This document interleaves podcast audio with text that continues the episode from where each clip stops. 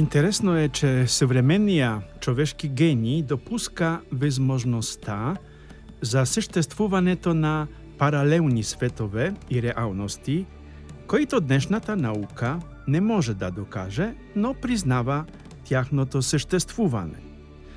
В същото време, същия човешки гений отрича неоспоримия факт за съществуването на нематериален свят, населен с ангелите.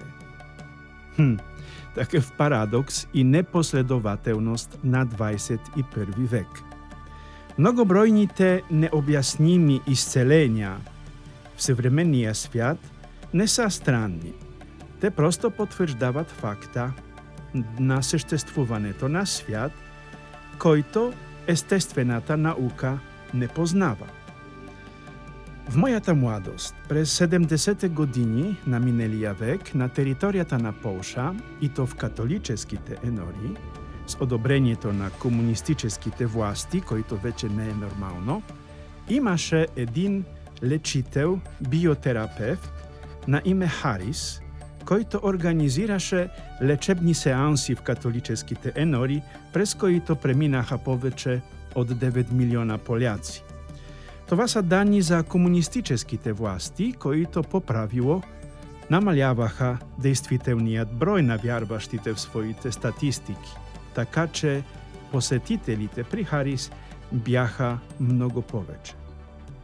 А всичко това за изцеление от болести. Харис не е организирал религиозни срещи, а биотерапевтични представления – преди смъртта си Харис, той беше 2009, признава, че дарбата му да лекува идвала от демони или зли ангели. Демонът е противник на Бога и има силата да лекува, която използва за своите нечестиви цели, за да отдалечи човека от Бога.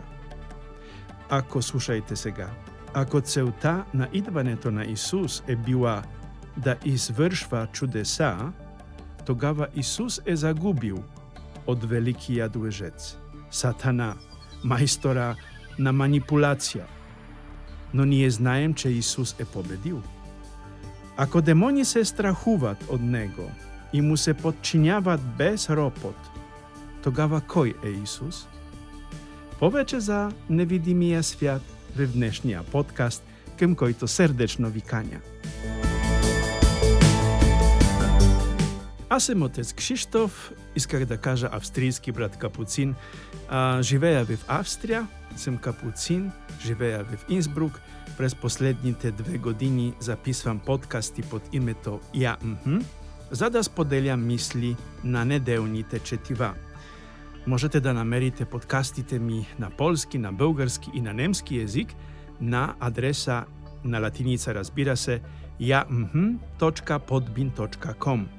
Vsjaka sobota od 12 časa nov podcast Zapovjadajte.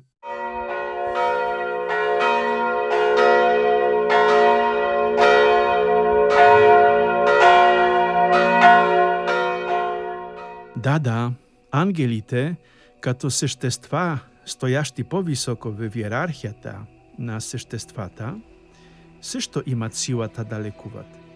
Самият Падре Пио от Сан Джованни Ротондо, който лично е изпитал извратеността и силата на дявола, винаги е бил подозрителен към явленията, които е преживявал. Днес ще се средоточа върху Евангелието, защото то ни дава много храна за размисъл.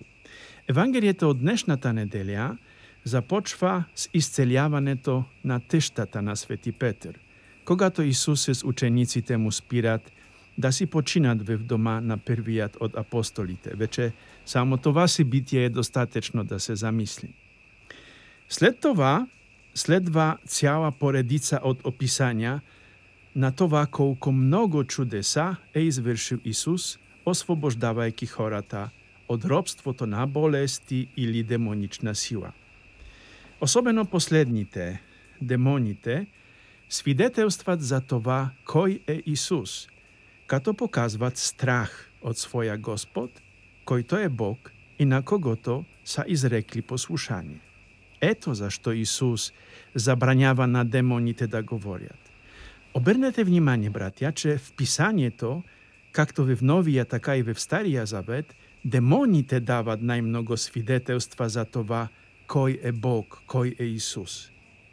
Ангелите, като Гавриил, са само вестители на Божията воля за човека.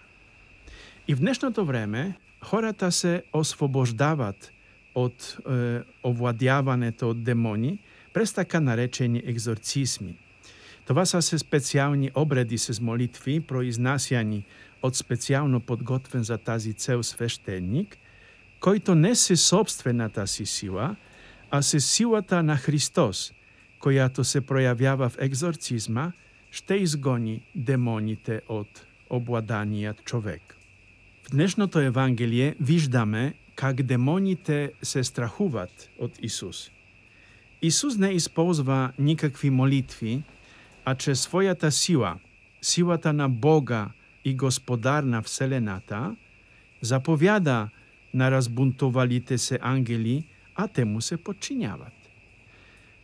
Изглежда, че хората, които идват при Исус, се интересуват повече от чудеса и избавления от болести и смърт, отколкото от учението за Божието царство. Може би за това Исус напуска Капернаум и отива да проповядва Божието царство на друго място, защото целта на Исус не е да изцелява или да възкресява мертвите.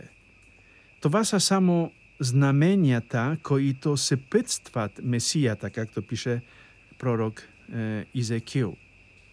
Тези знамения са там, за да придадат на думите на Исус сила и да потвърдят, че Исус говори истината за Небесното Царство. Готино е да видим как Исус показва силата си над природата и демоните, които се страхуват от Него. Готино е да видиш как Исус демонстрира своята велика сила, която превъзхожда всички армии и войски на света. Но Исус не е дошъл да изцелява или да възкресява мертви като Харис, когато споменах по-горе. Основната цел на Исус е проповядването на Евангелието, а след това Неговите страсти, смърт и възкресение, за да освободи хората от последиците на первородния грях. Ето защо, братя и сестри, ако търсите Исус само да получите изцеление на тялото, но не и на душата, ще останете разочаровани. А Исус, братя и сестри, като сформира група ученици и ги подготвя да извършват още по-големи чудеса от тези, които Исус е направил.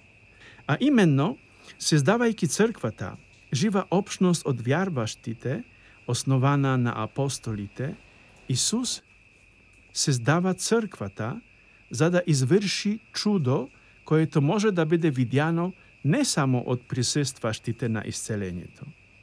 Исус ни кани да направим морално чудо, което може да види целия свят. Това морално чудо е живата Христова църква, която обича света така, както сам Исус ни обича. До смърт и то кръстната смърт. С други думи, ти, братко и сестро, и аз, които създаваме живата Христова църква нашата енория, ние сме поканени да покажем моралното чудо на света около нас.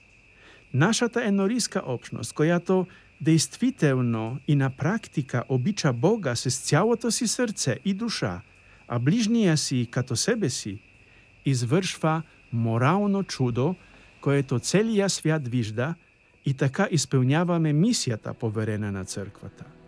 Скъпи братя и сестри, завършвам, като ви приканвам да превърнете Словото в действие. Само по този начин светът ще разбере, че Исус наистина е възкръснал. Дързайте, не се страхувайте, Светия Дух е с нас. Амин.